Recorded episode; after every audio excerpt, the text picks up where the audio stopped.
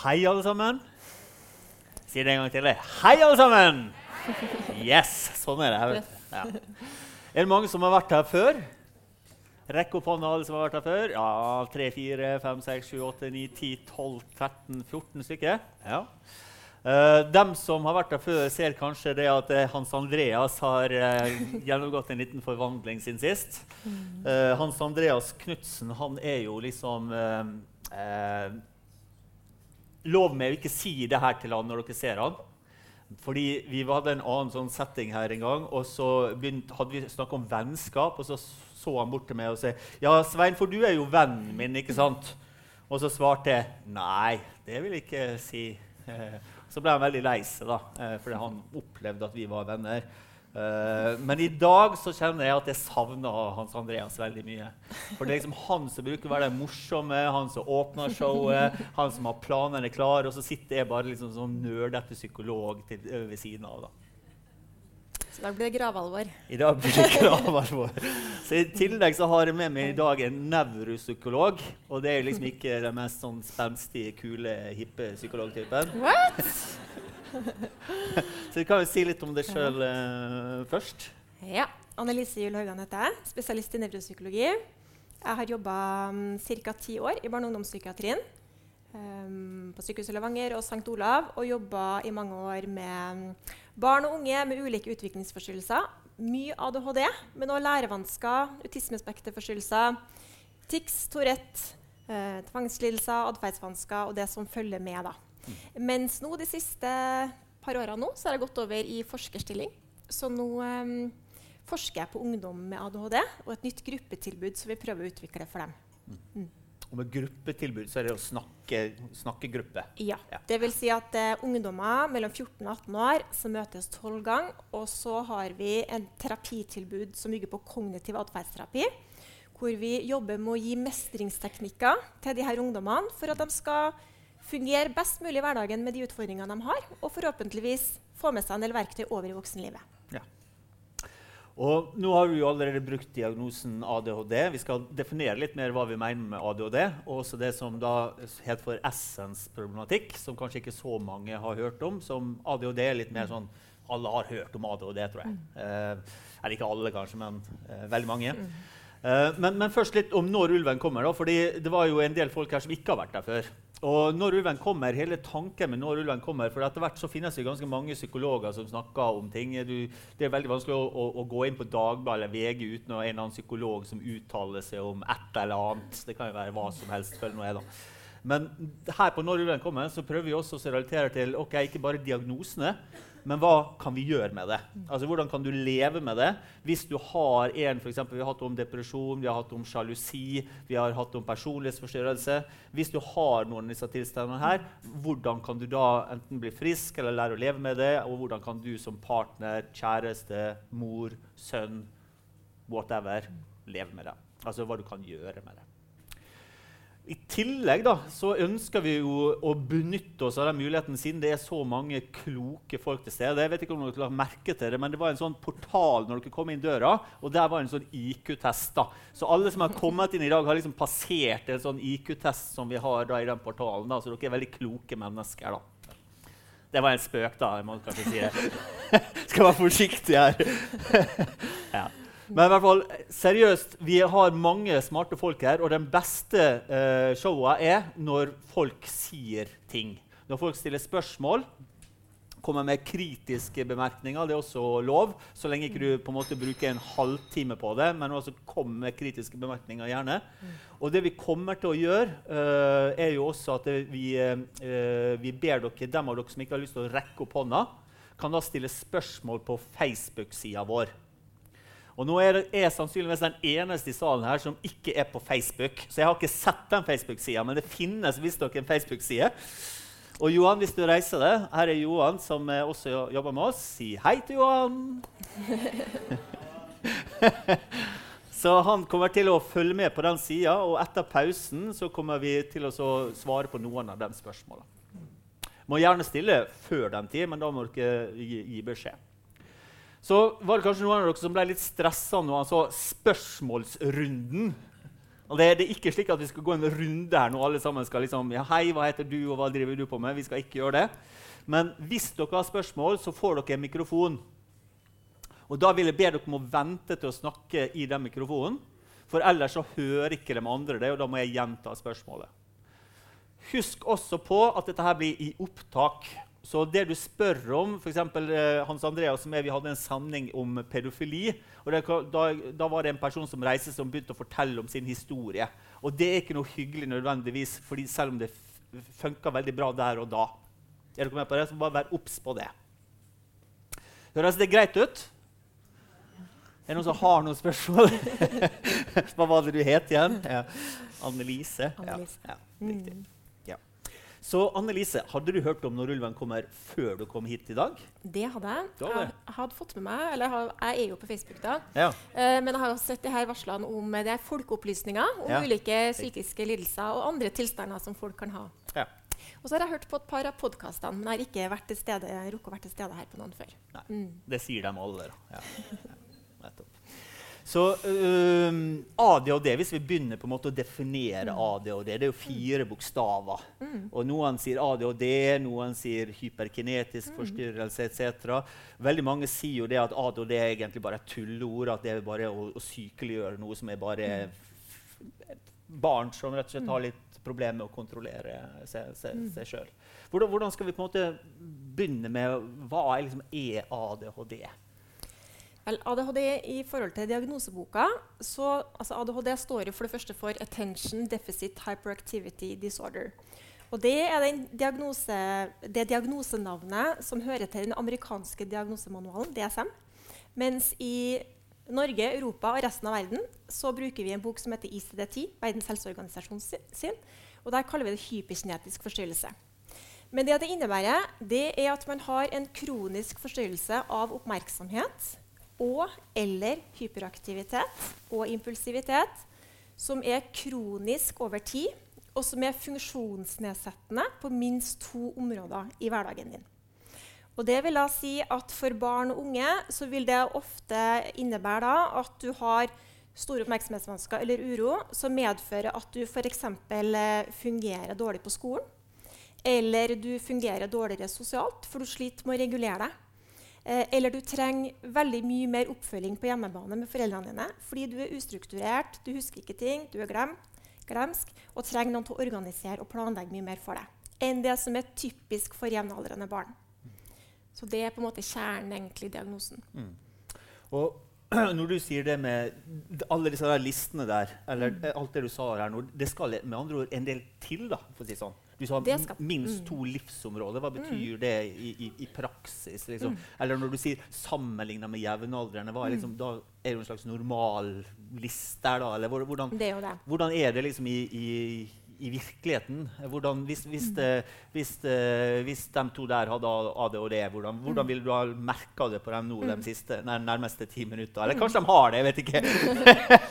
du har det, OK! Ja, men Da kan vi bare alle sammen se på henne nå de neste ti minutter, så ser vi hva som, eh, som, eh, som skjer. Da, da, da, kanskje vi spør deg etterpå. bare så det er sagt. Nei, det skal vi ikke gjøre. Nei, riktig. Um, kanskje du det, kan hjelpe, da? Det kan jeg hjelpe litt på. Um, det er sånn at Noen kan du kanskje se det på, mens andre kan kan du ikke se det på i det hele tatt. Og det avhenger da hvilke symptomer du har mest av. Mm. Eh, når det gjelder de her oppmerksomhetsvanskene, så er det sånn at det er ni forskjellige spørsmål, ni forskjellige oppmerksomhetssviktsymptomer som, som du kan ha. Og så er det sånn at du må ha et visst antall av de her oppmerksomhetsvanskene i hverdagen. Eh, og eller ni eh, forskjellige områder med uro, hyperaktivitet og impulsivitet som du også må fylle kriteriene for. Så hos barn og unge så må du ha i hvert fall sju av de her ni oppmerksomhetssviktsymptomene. Og på dem som har uro, så må du ha det tilsvarende. Eh, men så har du òg de her undergruppene. Ja. og Det tenker jeg er litt viktig å si noen ting om. Fordi vi har, sånn paraply, vi har et paraplybegrep, ADHD, på toppen. Og så har vi tre undergrupper. Og da har vi dem som har overvekt av oppmerksomhetssvikt, eller uoppmerksom type, som vi kaller dem.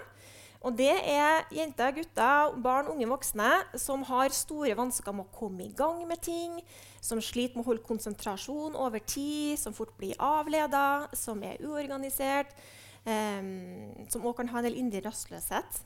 eh, som får, men som, som, ofte er ganske rolig, og som kan ofte være veldig rolig også, og som er vanskelig å se. Men så har du denne undergruppa som kanskje flere hører om, som er den hyperaktive, impulsive typen. Det er de som gjerne fikler veldig mye, gjerne må opp og gå. Eh, barn som i skolealder har vanskelig for å sitte ro på stolen sin, må vandre mye rundt, prate veldig mye når de ikke skal, er impulsiv. Så det er den hyperaktive typen. Og så har du en type i midten der som vi kaller ADHD kombinert type. Og da har, symptomer, da har man symptomer både av oppmerksomhetssvikt og uro. Og så kan man ha litt glidende overganger mellom de her ulike undergruppene. Men alle de her får utgangspunktet ADHD-diagnosen, mm. selv om de kan ha veldig forskjellige uttrykk. Mm. Så, så, noen ganger så, så har jeg hørt folk, eh, hørt folk, si at man har eh, hyperkinetisk eller hyperaktivitet uten hyperaktivitet. Med andre ord at man eh, har eh, ADHD, men uten den der overaktive biten. Men mm. bare konsentrasjonssvikt og mm. impulsivitet. Mm. Det, det, er det du mener da? ikke sant? At du, du, er ikke nødvendigvis slik at du er all over the place. Riktig. Ja. Eller man kan ha for en sånn indre uro, rastløshet. Mm. At du føler du kjeder deg veldig fort. Du må finne på noe. Det, det er vanskelig å være i ro. Eh, ja. Men du er ikke nødvendigvis den synlige, veldig aktive personen. Mm. Før jeg, jeg ble psykolog, så, så jobba jeg som støttekontakt når jeg var sånn 16-17 år. Dette her var jo, Jeg er jo 50 år, men det høres ut som jeg har holdt på i forrige århundre. For på den tida så var det ikke medisiner mot ADHD. Mm. Uh, så jobben min var å slite ut han gutten her. da. Uh, slik at foreldrene når de kom hjem fra jobb, skulle på en måte Og, og tro meg, det gikk ikke. Uh, jo mer jeg herja og kasta han i lufta, jo si, mer urolig ble han. da. Og jeg fikk jo kjeft av foreldrene når jeg kom hjem, for jeg skulle, skulle ikke liksom roe ned den gutten her. da. Og jeg husker en gang så tok jeg med han på Moa svømmehall i Ålesund. Mm. Og han gikk da Han var, jeg tror han var eh, ni år gammel. Mm. Klatra selvsagt. Jeg, jeg husker ikke hva jeg gjorde, men jeg så en annen vei, og plutselig så var han på timeteren og hoppa ut fra timeteren. Og plask, plask. Mm. Og så bare sto jeg og så på han og prøvde å komme etter sjokket. Og så sa 'Svein, Svein, jeg kan ikke svømme', sa han. Og det, for meg så var det et tegn på impulsivitetsforstyrrelse. Det hørtes sånn ut. Og det er det som, nå, nå jobber jeg i fengsel, mm. og der også ser vi jo ganske mange mm. folk med ADHD. Og da mm. tenker jeg at det, det er kanskje impulsiviteten som er det største problemet deres. I hvert fall når de har kommet ut, ut, i, ut i, noen år. da. Men det, hva tenker du om det? Eh, jeg tenker Det kan være veldig sammensatt. Ja. egentlig. Um, men det man vel vet om dem som havner i fengsel, i utgangspunktet, er vel at veldig mange av dem har en kombinasjon av ulike vansker. Ja. Vi vet jo at en overhyppighet av uh, unge, eller overhyppighet av ADHD i mm. fengselsvesenet, mm. men også lærevansker. Mm. At man kan slite med lærevansker av forskjellig grad. Ja. ADHD-symptomer, psykiatri, kanskje rus. Eh, dårlige omsorgsvilkår kan det ha vært eh, hos en god del av dem. Mm. Så jeg tenker at Det er summen av mange ting da, som ja. gjør at folk kan komme ut på skrå, skråplanet og havne, ja. havne, der. Så det er negative sirkler mer enn det spesifikke problemet du, du, ja. du tenker på? Ja.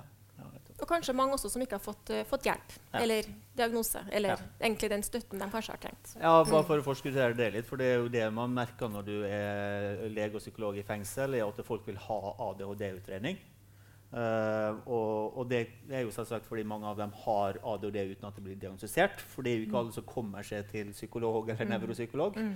Uh, og så er det noen som, som sier da at det, de, de, trenger medisiner da, mm. og vil ha det. Uh, og mange sier også at de mm. ruser seg fordi de ikke får mm. medisiner. Og så kjenner jeg at jeg ikke alltid tror på det. da, bare så det er sagt. Men det er jo veldig mange i fengsel har jo ganske fæle bakgrunner. Men eh, så langt da er det noen som har noen spørsmål. så bare, for Nå har vi allerede bare pøst på med informasjon ut. så der er et spørsmål der. Nå må du vente til å snakke. ikke sant? Ja. Og Det er, er til og med et spørsmål bak der òg, så da tar vi, hvis du bare blir stående der, du, så ja. ja, det er bare litt sånn i farta. Ja. Um, hvordan er det man diagnostiserer det, da? Mm. Kan jeg godt si noe? Ja, fint. Du har ehm, kanskje med deg noen tester her nå? ikke noen tester nå. Eh, hvis, man, eh, hvis, man, blir henvist til barne- og ungdomspsykiatrien, da, det som er typisk Først og fremst kan du si at er, Går du i barnehage eller i skole, hvis man snakker om barn og unge, da, så er det vanligvis sånn at man kanskje kobler inn PP-tjenesten eller pedagogisk psykologisk tjeneste under barne- og familietjenesten først. Hvis man har mistanke om at noen strever litt på skolen, eh, er urolig, konsentrasjonsvansker osv., eller foreldre lurer på det her. Og da går kanskje de inn og observerer litt, eh, snakker litt med lærer, snakker litt med foreldre. Eh, og gjerne gjør en evnekartlegging, evnetest, for å se litt om handler det her egentlig om lærevansker som kan gjøre at dette barnet strever. Eller eh, handler det om lærevansker i kombinasjon med andre ting, eller er det andre ting? Eh, eh, men hvis man da etter en screening finner ut at her lurer vi litt på om det kan være ADHD, så henviser man gjerne i samråd med fastlege til barne- og ungdomspsykiatrien. I barne- og ungdomspsykiatrien er det vanlig at vi går gjennom et uh, anamneseintervju. Dvs. Si at man går gjennom utviklingshistorien til barnet fra man er liten. Uh, fødsel, uh, hele utviklingshistorien opp til, til, i dag. Og da kartlegger man generelt i forhold til er det komplikasjoner ved svangerskap, hvordan har familieforhold vært, hvordan har helsa, det, har det vært noen sykdommer, hvordan har det vært med humør, er det noen psykiske problemer, er det noen andre tilleggstilstander eh, traumer, sånne ting.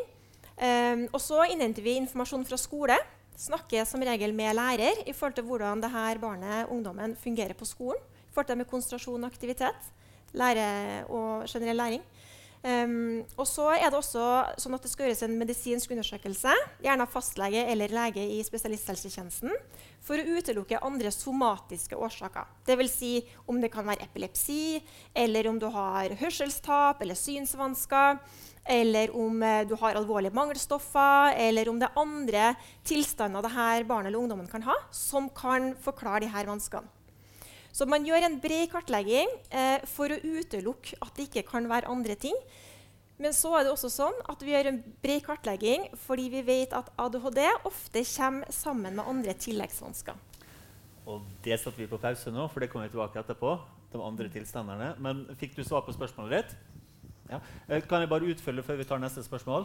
For spørsmålet er da, Hvis du ikke får diagnostisert det som barn, da, så kan du allikevel ha ADHD uten at det blir diagnostisert. Det kan jo hende at du flytter mye, det kan hende du har foreldre som kanskje ikke følger opp. Det kan hende at folk tenker at nei, det er ikke ADHD, det er noe annet. Det er kanskje bare dårlig oppdagelse. Det kan være ja, hva som mm. helst. Uh, slik at Når jeg møter uh, innsatte i norske fengsel, så vil jo veldig ofte da folk faktisk ta kontakt, fordi da har de faktisk muligheten til å møte lege og psykolog kanskje for første gang i sitt liv.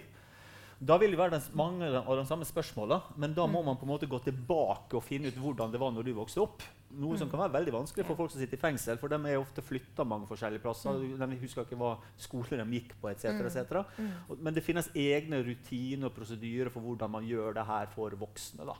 Og så Hvis man skal ha medikamentell behandling, så må man også være obs på om det er rusproblematikk, for da vil du bruke en annen type medisin. Da. Så svaret er vel at det er ganske komplisert egentlig mm. å få en sånn uh, diagnose. bare så Det er sagt. Det er ikke mm. bare å komme innom en dag. liksom. Uh, du, må, du, må, følge opp, mm. opp det en, en, en, periode. da. Ja. Ja, så det krever også mye av foreldrene. Uh, sånn sett. Mm. Ja, du skal da enda et spørsmål. Du har fått svar på ett spørsmål allerede. Oi, oi, oi. Det kommer an på hvor, hvor på en måte entydig det svaret der er. Da, hvis det er mange forskjellige altså, det er jo slik at det, Hvis du har ADHD, så kan du også ha samtidig andre ting. Sant? Du kan være deprimert, du kan ha angst, du kan ha uh, traumer og alt mulig sånn. Så jo mer kompleks, jo lengre tid uh, tar det. Det finnes jo folk som går til uh, også privatpraktiserende og får gjort det veldig kjapt. Mm. Men i en, en standard BUP, sånn mm. gjennomsnittlig BUP, hvis det finnes noe sånt, hva, hva skal vi si da? Eh, Vel, eh, Ut fra erfaring så vil jeg si at de fleste foreldre syns at det tar altfor lang tid. Uh, men, men, det kan være fra altså, Her er det igjen det her med hvor tydelige er symptomene. Og som Svein sier, er det mye annen tilleggsproblematikk. Og dessverre så er det sånn at er det mye tilleggsproblematikk, så kan den prosessen ta lengre tid. Um, jeg tror vi kanskje har blitt litt flinkere i dag til å tenke at man kan ha ADHD og flere andre ting samtidig. Som gjør at man kanskje ikke er så livredd for å sette en ADHD-diagnose selv om du for har en depresjon eller du har andre tilleggsvansker. Eh, men der varierer det litt, den praksisen. Mm. Så jeg tenker at det kan ta alt fra fra man kanskje begynnelsen er litt bekymra eh, et halvt år, til kanskje noen som har venta i to år. Eller, ja. Men forhåpentligvis kommer man i inn i et behandlingssystem som i hvert fall får noe hjelp. da. Mm. Så det vil i hvert fall være at du kan få hjelp og støttetiltak uten at nødvendigvis diagnosen er satt fast på papiret. på en måte. Mm. Så prøver man ofte ut medisiner. Det er ikke alltid medisinene virker heller. Så, så man mm. prøver flere runder på det også. Det kommer jo ofte i tillegg. Så er det den tålmodige personen bak der. Hei sann. Jeg lurte på, Du snakker jo om de forskjellige uttrykkene ikke sant, AD kontra HD. Mm. Er det vanlig at ø, folk endrer symptombildet etter hvert som de blir eldre? Jeg har meningsfull å lese at hyperaktiviteten senkes, sånn at mm. en voksen person kan ende opp bare med konsentrasjonsvansker. Det er helt riktig. Ja. Mm, ja. Eh, man ser ofte at hyperaktivitet er først og fremst utprega hos barn. Barn, tidlig ungdom. Og så er det vanlig at man veksler litt av seg hyperaktiviteten etter hvert som man blir eldre. Og så kan den heller utspille seg som en slags indre rastløshet. Så veldig ofte når vi gjør diagnoseintervju med ungdommer, så spør du liksom, hopper du rundt i sofaen og springer rundt i gangene. sånn. Det er ikke vanlig at ungdommer gjør. Men at man kan kjenne på en sånn indre rastløshet. Det er mer, og sånn Småfikling og uro er mye mer utprega. Eh, men hyperaktiviteten ser du mer hos de små. Mm. Og bare for å utfylle det tilbake til den populasjonen som voksne, da, mm. da vil ofte det, hvis de i tillegg har andre problemer, så er det veldig vanskelig noen ganger å skille nettopp den undertypen. For mm. det er jo eh, på en måte Du ser ikke det, den fiklinga, uroen mm. og st indre stresset, da, det mm. ligner veldig mye på andre eh, eh psykiske problemer, f.eks. depresjon. Da. Og hvis du i tillegg da har opplever et traume, eller et eller annet sånt, så vil det å være utsatt for traume, omsorgssvikt, eh, overgrep, seksuelle overgrep også på en måte ha mye av den samme symptomer. Da. Så da blir det alltid mye vanskeligere å gjøre når du skal være voksen. Mm. Ja.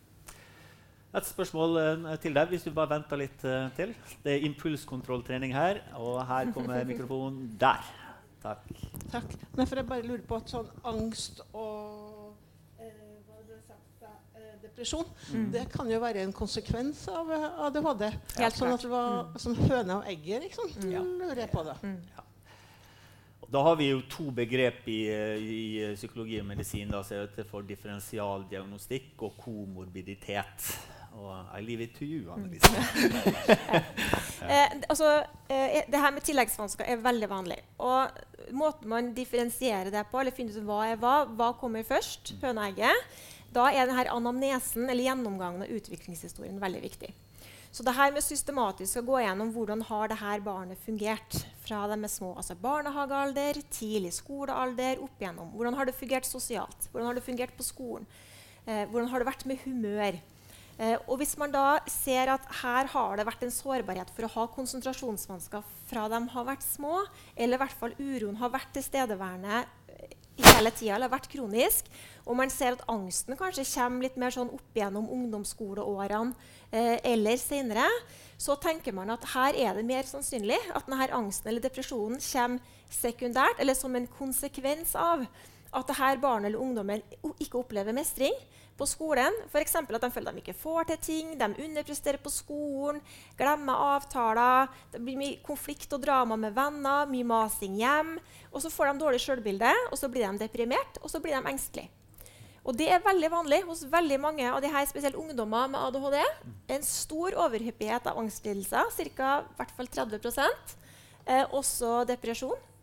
Um, men man kan også ha tics. Ja, vi skal kanskje komme tilbake til. Tics, Tourette, OCD. Altså det er mange ting du kan ha i tillegg. Så Derfor er det veldig viktig å gjøre en bred utredning og på en måte finne ut hva er som kommer først og, og sist. Og ikke minst, minst også spørre ungdommene sjøl.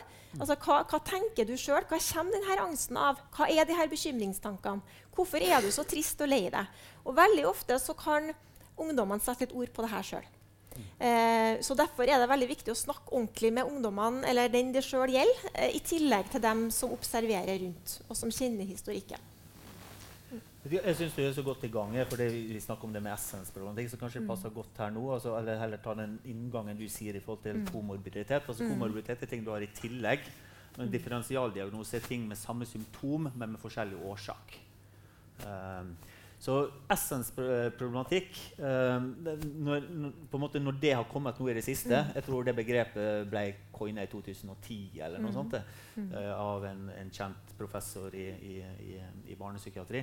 Men jeg husker før ADHD ble vanlig, altså den gang jeg var ung, så hadde jo begrepet MBD som ble brukt. altså MBD. Noen av dere er kanskje så gamle at dere husker det. sånn MBD Uh, ja, det er flere her. Og det var på en måte også en sånn veldig sånn litt vage symptomer. Mm. Mm. Og på mange måter så er Essence på en måte viser litt at det, det, er massevis av forskjellige symptomer her som ikke nødvendigvis passer inn i firkantene våre. Det er sånn jeg tenker det. da. Men hvordan tenker du uh, rundt det? Ja, når du sier, kanskje bare forklare hva MBD står for også. Ja. Minimal Brain eh, Dysfunction. Mm. Ja. Man, det var jo sånn eh, tidligere i, historie, historien at man tenkte at eh, de her urosymptomene og oppmerksomhetsvansker kom av en hjerneskade. Mm. Det var jo det man tenkte man før 50-60-tallet. Ja. Mm. Ja. At de her barna som var så urolige, det her måtte være snakk om en liten hjerneskade. Eh, når det gjelder S-en, så handler det om det vi kanskje kaller nevroutviklingsforstyrrelser. Så det handler gjerne om ulike tilstander som barn og ungdommer kan være født med, som gjerne er ganske, eller ofte arvelig, som kan gå igjen i familier, og hvor man har ulike diagnoser, eh, symptomer, som har litt overlapp, som ligner litt, men som også er litt ulike. Som f.eks. autismespekterforstyrrelse, tvangslidelser, tics, Tourettes syndrom, ADHD, som eksempel. da. F.eks. det her med eh, autismespekterforstyrrelser det vi har jo Ca. 1 av befolkninga fyller jo kriteriene for det nå i dag. Dvs. Si at du sliter med sosiale koder. Du har ikke den sosiale smidigheten, så du har ganske store sosiale vansker, selv om du kan ha normal intelligens. Eh, der vet vi jo for at 50% av dem med autismespekterforstyrrelser fyller kriteriene også for en ADHD-diagnose. Enten uoppmerksom type, hyperaktivitet osv. Og, mm. og så vet vi at uh, veldig mange av dem som har tics og Tourette, uh, også har ADHD. Vi vet at de med epilepsi eh, kan ha en overhyppighet av ADHD. Um, sånn at vi vet at um, det er mange av disse lidelsene som kommer litt da, som en pakke. Uh, og før, uh, eller tidligere, så var det sånn at uh, Fylte du kriteriene for autisme, da var det autismediagnosen du fikk. Uansett om du hadde lærevansker, språkvansker, oppmerksomhetsvansker, uro. Det var autisme pakka. Vi, liksom, vi pakka liksom alt inn i den diagnosen. Mens det som har blitt vanligere nå, det er å sette ord på litt ulike vansker som man har. sånn at Får du en autismespekterforstyrrelse i dag, så utreder vi også om du har en tvangslidelse. For det har også ganske mange av de barna.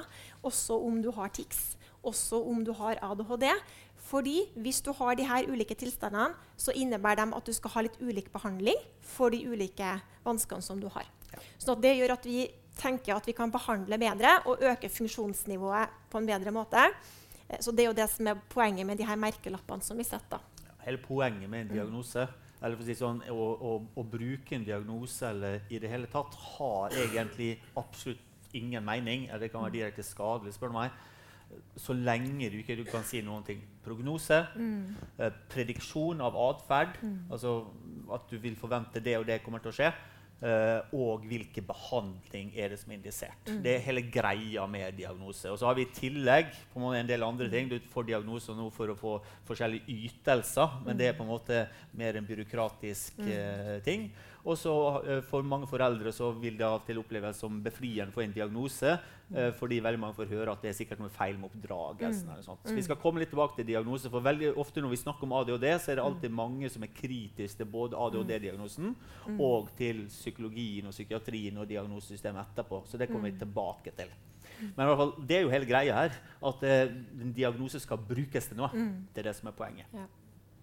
Og bare sånn, så vi ikke vi, når, når, du sier tics og Tourettes syndrom, mm. bare for å rydde litt opp, da, mm. hva er forskjellen? Det, eller det er ikke sikkert alle vet hva tics er heller. Så vi bare uh, ta en mm. liten mm. runde på det. Eh, når det gjelder tics, du kan ha, eh, tics betyr at du har ufrivillige motoriske bevegelser. Det vil si at du kan ha veldig mye eh, blunking, eh, du kan ha grimasering av ansiktet, rykninger på hodet, rykninger av kroppen. Det vi kaller motoriske tics. Og så har du det vi kaller lydtics. med sånn lager mye lyder, som også får sånn trykk som bare gjør at du må gjøre det. Eh, og eh, er det sånn at du har en kombinasjon av både motoriske og vokale tics samtidig. Så, samtidig, eller de kan komme og gå litt i ulike perioder, så fyller du kriteriene for Tourettes syndrom. Hvis du har hatt de her symptomene over en viss tidsperiode, Eh, og ikke hatt mer enn tre måneder opphold osv. Så, videre. så hvis du har de her ticsene som kan komme og gå litt i perioder, eh, som er kronisk, men som varierer litt i uttrykk, så kan du fylle kriteriene for uh, Tourette. Ja. Så Tourette er tics. Og nå er jo du en pen og pyntelig dame, så du snakker ikke om banning og gir eksempel på kjønnsord her, men det kan også det skje. Kan da. ja. At du sier oppskøende ord, eller du må gjenta ord, andres ord. eller sånn, ja. Jeg tror det er første gang jeg har hørt noensinne noen personer si oppskøende ord. Vil du gi noen ekstra? Ja. Jeg skal ikke presse fuck, fuck, fuck, fuck, fuck, takk for eksempel. Ja.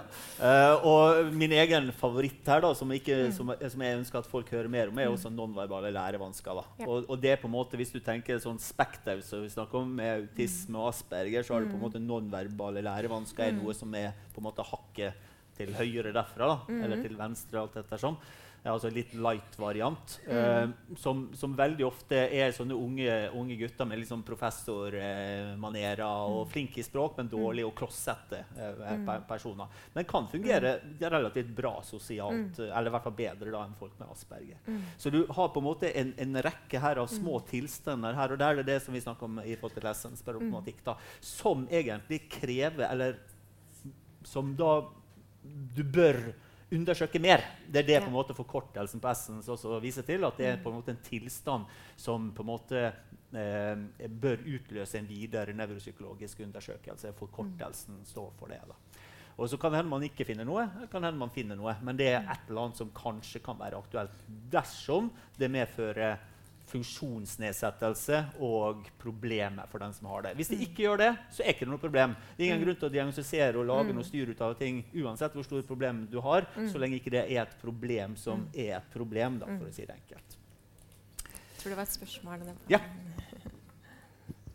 Det var vel ikke et spørsmål, mer en påpeking av uh, TIX. Ja. Eh, det finnes også skjulte TIX, som ja. veldig mange ikke tenker på. Ja. Uh, magerulling, tårulling, eh, trekking mm. av skuldre. Ting som ikke folk ser. Sånn Absolutt. typisk eh, stereotypisk tics. Mm. Mm. Takk for at du fylte ut det. Det er helt ja. riktig. Ja.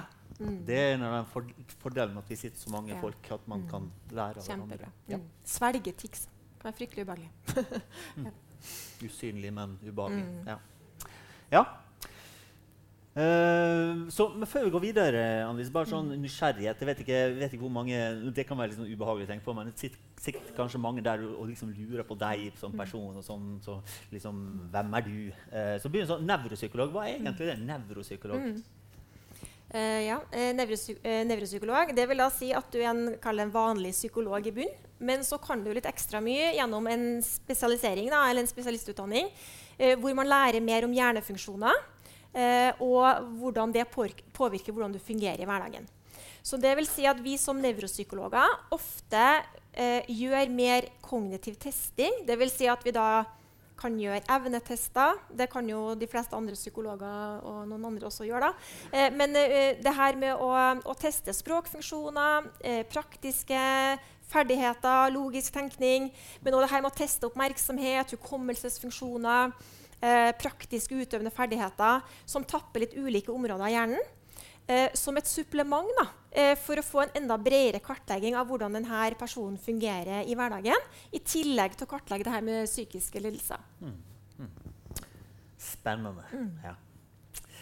Um, og hvorfor ble du egentlig psykolog? du? Var det for å du var interessert i hjernen, eller var du en sånn psykolog som lyst til å hjelpe folk? Liksom, sånn. det, til dere, Psykologer er liksom i to, to, versjoner. Det er dem som på en måte er fryktelig nysgjerrige og som egentlig driter i folk. Uh, og så er det dem som, uh, som uh, er veldig glad i folk, og som ja. Jeg tenker Siden jeg begynte på forskning, nå, så er jeg sikkert den som driter i folk og bare har lyst til å tenke på hjernen. Ja. Jeg er jo ikke hjerneforsker. da. Jeg forsker jo ikke på hjernefunksjoner i seg sjøl. Det, det, er et litt annet felt. Mm. Eh, men eh, eh, jeg hadde vel egentlig lyst til å bli psykolog fordi jeg tenkte at det måtte være det mest interessante studiet man kunne ta. Ja. mest spennende studie. Ja. Allmennyttig. Eh, noe som alle kan ha nytte av å kunne mer om. Og at man har forskjellige muligheter til å jobbe med ulike ting. Da. Men ja. også selvfølgelig å hjelpe mennesker. Ja. Det er godt svart. Godt svart. Ja. Er det noen her som har noen sånne morsomme psykologvitser, så tar vi gjerne imot dem. Er det som, eller, eller, eller, morsomme psykologvitser, det går ikke an å si. Er det noen som har noen psykologvitser? Eh, Ingen som kan noen psykologvitser? Nei. Seriøst? Ingen som kan en psykologvits? Kan du? Jeg kan én, men jeg tror den er den som alle kan. Den er hvor mange, hvor mange psykologer skal til for å uh, skru ut en lyspære. Mm. Hørt den før? Nei. Så vi husker svaret sjøl. Du trenger bare én, men uh, den lyspæren må være motivert. Nei, seriøst. Jeg satser på at eh, Johan, hvis du ser en sånn eh, på den der Facebook-sida eh, med vits, så si fra, og så kommer det opp. ok? Ja. Kan du noen sjøl, forresten? nei. nei. okay. okay. Uh, det eneste som jeg tenkte i forhold til før vi går videre på uh, behandling mm. Um, det har vært, uh, for Du nevnte de forskjellige typene. Mm. Og så har vi snakka om voksne og vi har barn. Mm. Men det har jo vært mye fokus på at kanskje jenter ikke blir så lett diagnostisert som mm. gutter, og at de kanskje ofte er på en måte en litt annen form Mm. Uh, eller en av de formene som du sier. Kan du bare si litt om, om, det? Det er jo en del jenter her i salen også. Mm. Jeg tenker jo, først kan jeg bare si noe om hvor mange har egentlig ADHD. For ja. det er jo også noen som tenker at her er det bare en eksplosjon av ADHD-diagnoser som florerer rundt omkring. Noen virker, som frykter det, i hvert fall. Ja, virker jo sånn av og til. Uh, men sånn i utgangspunktet så uh, viser forskning, omfattende forskning internasjonalt, at det er ca. 5 eh, av befolkninga, dvs. Si ikke befolkninga, barn unge. Barn opp til 18 år 5% som fyller kriteriene for en ADHD-diagnose når vi snakker om alle de tre undergruppene. Mm. Eh, I denne gruppa så er en over, eh, overhyppighet av gutter som får diagnosen, ca. 3 til 1. jeg. Eh, mens når vi går over til voksen alder, eh, så ser vi at det er omtrent like mange menn og kvinner som fyller kriteriene for en ADHD-diagnose. Eh, det vi ser, er at eh, de barn og ungdommene som er veldig urolige og hyperaktive, de blir henvist raskere til spesialisthelsetjenesten for utredning av ADHD. Mens de som har mer av oppmerksomhetssviktsymptomene og ikke er så synlige i landskapet, kommer til oss mye senere, eller til spesialisthelsetjenesten mye senere eh, for utredning av ADHD eller andre tilstander. Ofte kan mange av dem her som har en underliggende ADHD, kanskje heller henvises med depresjon eller angst. Og så er det etter at vi først har begynt å kartlegge og finne litt mer ut av hva er det egentlig som ligger under her, at man finner ut at det kan være en ADHD. Eh, jenter er på gruppenivå roligere enn guttene. Og det vil si at de oftere kommer til spesialisthelsetjenesten for utredning av denne problematikken. Men gutter som også er rolig, som har mer oppmerksomhetssviktsymptomer, kommer også senere. Eh, og når det gjelder voksne, så er det jo sjelden at uh, det er så veldig mange av de her voksne heller som er hyperaktive. veldig hyperaktive, Det snakka vi om før. Mm. Men så generelt så ser vi en tendens til at de som er veldig urolig hyperaktive, får diagnosen tidligere enn dem som er av den roligere typen. Mm. Og det er jo ganske naturlig. når vi tenker at Sånn er det. Mm. Men det gjør jo da at veldig mange barn og ungdommer har et skjult funksjonstap. Fordi at de eh, f.eks. på skolen gjerne sitter på stolen sin, de kan ha ansiktet vendt mot læreren og tavla, og så virker det som de egentlig følger relativt godt med. Men det kan være at de gjør egentlig minimalt. De sitter kanskje bare og tegner i boka, de kommer ikke i gang, får ikke med seg fellesbeskjeder, får ikke gjort lekser, de blir distrahert av hver minste lille lyd og underpresterer på skolen. Og Da kan det ta ganske lang tid før man faktisk fanger opp at dette er et problem med mindre man har foreldre som følger veldig godt med. For det er ikke nødvendigvis så lett for en lærer hvert fall, når du har 25 elever i klassen din å holde styr på, eh, å fange opp hvem av de litt roligere eller normalt aktive som virker som de følger litt med, har store vansker. Så det er vanskeligere også for lærerne å fange opp de her barna. Eh, og foreldrene er ikke så ofte bekymra heller, før de kanskje kommer litt opp i alder. Og kravene øker på. Så barnet kan kjenne på et eller annet, men du kan ikke forvente at et barn skal vite at 'jeg har ADHD'. Mm. Men, men man får på en måte først ser at man har problemer når man ikke får til ting, mm. eller når man er urolig. Det det sier. Ja. Et, et, annet problem, problem er for de veldig smarte barna som har gode evnemessige ressurser så ser vi at veldig mange av dem kan flyte veldig på evnene sine. Altså Har du gått over gjennomsnittlig intelligens, så kan du møte opp på skolen og så kan du bare sitte og følge med litt, eller følge med sånn halvveis, og så får du egentlig med deg ting veldig kjapt. Du trenger ikke å gjøre lekser, for du skjønner det likevel. Du knekker bare kodene sånn. Og så henger du greit med gjennom barne- og ungdomsskolen, kanskje, selv om du egentlig aldri har gjort lekser, aldri omtrent lest på en prøve. Du bare tar det likevel får helt greie karakterer, og så går du over på videregående, hvor du kanskje må jobbe litt mer systematisk, og så begynner du å få større vansker. Eller kanskje du til og med klarte deg ganske greit der, med litt struktur og støtte fra foreldrene dine. Så kommer du over og skal begynne å studere. Ingen struktur, ingen plan, frie studier. Opp til deg sjøl når du drar på forelesning. Ingen foreldre som følger med om du står opp om morgenen. Og så rakner det fullstendig. Mm. Kan bruke eh, årevis på en utdanning som kanskje tar så og så lang tid, enn at du egentlig har mer enn gode nok evner til å komme deg kjapt gjennom dette studiet. Så dem har jeg også møtt noen av. Ja. Mm. Det, det, jo apropos smarte, smarte folk. Det mm. merker jeg også i forhold til spi, uh, jenter med spiseforstyrrelse. Mm. Som kan ha, være så tynn, altså en så lav BMI, at det i, mm. etter boka så skulle de ikke hjernen deres klare å fungere. Mm. Men fordi de er så smart og også, mm. så selvdisiplinert, så klarer de seg faktisk å komme gjennom skolen. Og det er jo fint for dem, mm. men det på en måte gjør jo at man skal være ekstra oppmerksom på det. Og når det er sagt, så uh, apropos det med psykolog da, jeg tenker det, Hvis det er noen lærere her i salen, så, så hør på hva jeg sier nå. for det å være lærer det må jeg si er vel det yrket jeg mm. respekterer mest. Uh, bare tanken på å ha 25 mm. unger og ansvar for dem i 45 minutter ville gjort meg stressa. Uh, men i tillegg da du skal se om tegn på ADHD, du skal se hvordan en skal ha det hjemme etc. Så veldig mange klager jo på lærerne. Jeg tenker jo at lærere gjør fantastiske ting. Uh, det støtter jeg deg veldig Og jeg tenker at de er pålagt utrolig mange oppgaver. For i utgangspunktet så skulle man tenke at lærerne egentlig bare skal lære elevene å lære. Ja. Men så er, er, det innmari mye annet de blir mm. pålagt å gjøre. Mm. Og skal følge opp individuelt. Så all ære. Ja. Det er mange dyktige lærere rundt omkring. Ja. Absolutt. Mm. Må du vente litt? Grann. ja. Takk. Nei, altså Jeg sitter og tenker på dette med normalitet. da. Mm. Eh, abnormitet.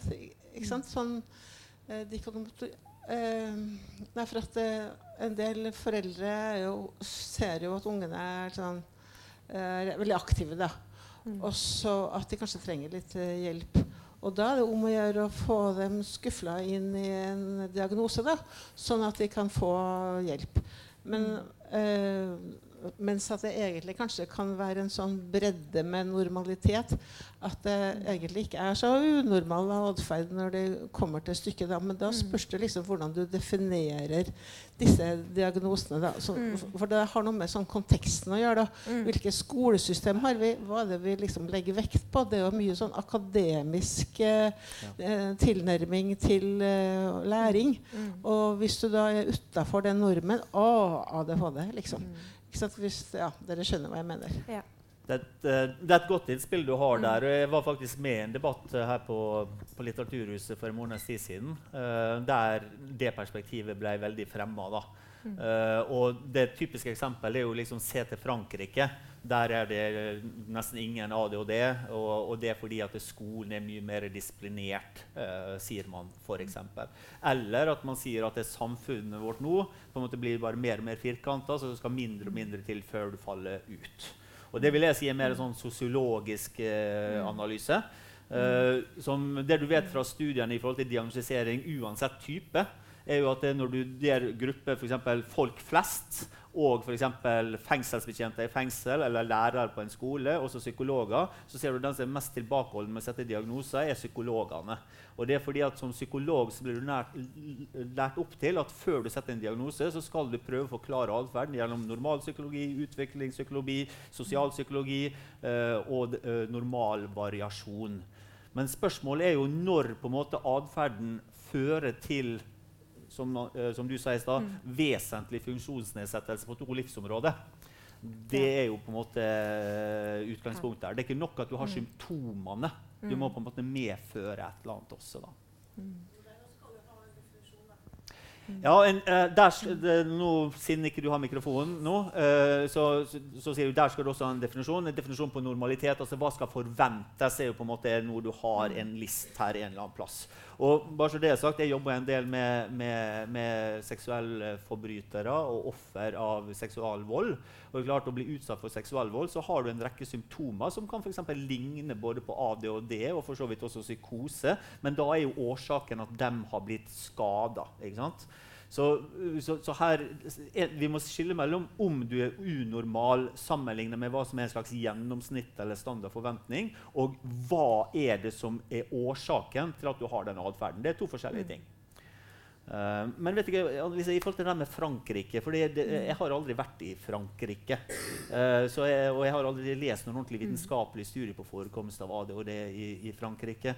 Vet du noe om det, eller er det bare en sånn myte? Um, eller det, det uh, Nei, altså jeg, kan, jeg, vet ikke om jeg kan si noe spesifikt i forhold til det. Men jeg, altså, det vi vet, er at det er like mange barn i Frankrike som fyller kriteriene per definisjon for ADHD eh, som i andre land. Men det handler mye om kultur, da. Diagnosekultur. Mm. Og den er forskjellig. Uh, og den er jo forskjellig også i Norge. Det var jo en studie her som ble publisert i 2018 fra Folkehelseinstituttet, mm. som viser at uh, bare i Norge så har vi jo store regionale forskjeller når det gjelder diagnostisering av ADHD. Fra, eh, eh fra 1,5 eh, sørafor Oslo og Akershus-området til opp i, mer opp i 5 i Nord-Trøndelag, som egentlig der som vi tenker mm eh, prosenten skal være i forhold til det som vi finner internasjonalt i forskning. Da. Men det jeg vet i Frankrike, at er jo, de er jo veldig disiplinert, men det er en helt annen kultur. altså Frankrike har en helt annen kultur enn i Norge. Mm. Eh, de tar f.eks. ikke med seg småbarn på restaurant i Frankrike før de kan sitte i ro ordentlig og spise pent med gaffel og kniv. Mm. Eh, fysisk avstraffelse er vanligere i Frankrike enn i Norge. Det er vanligere å rive i øret og gi en dask og ha en ganske streng kustus.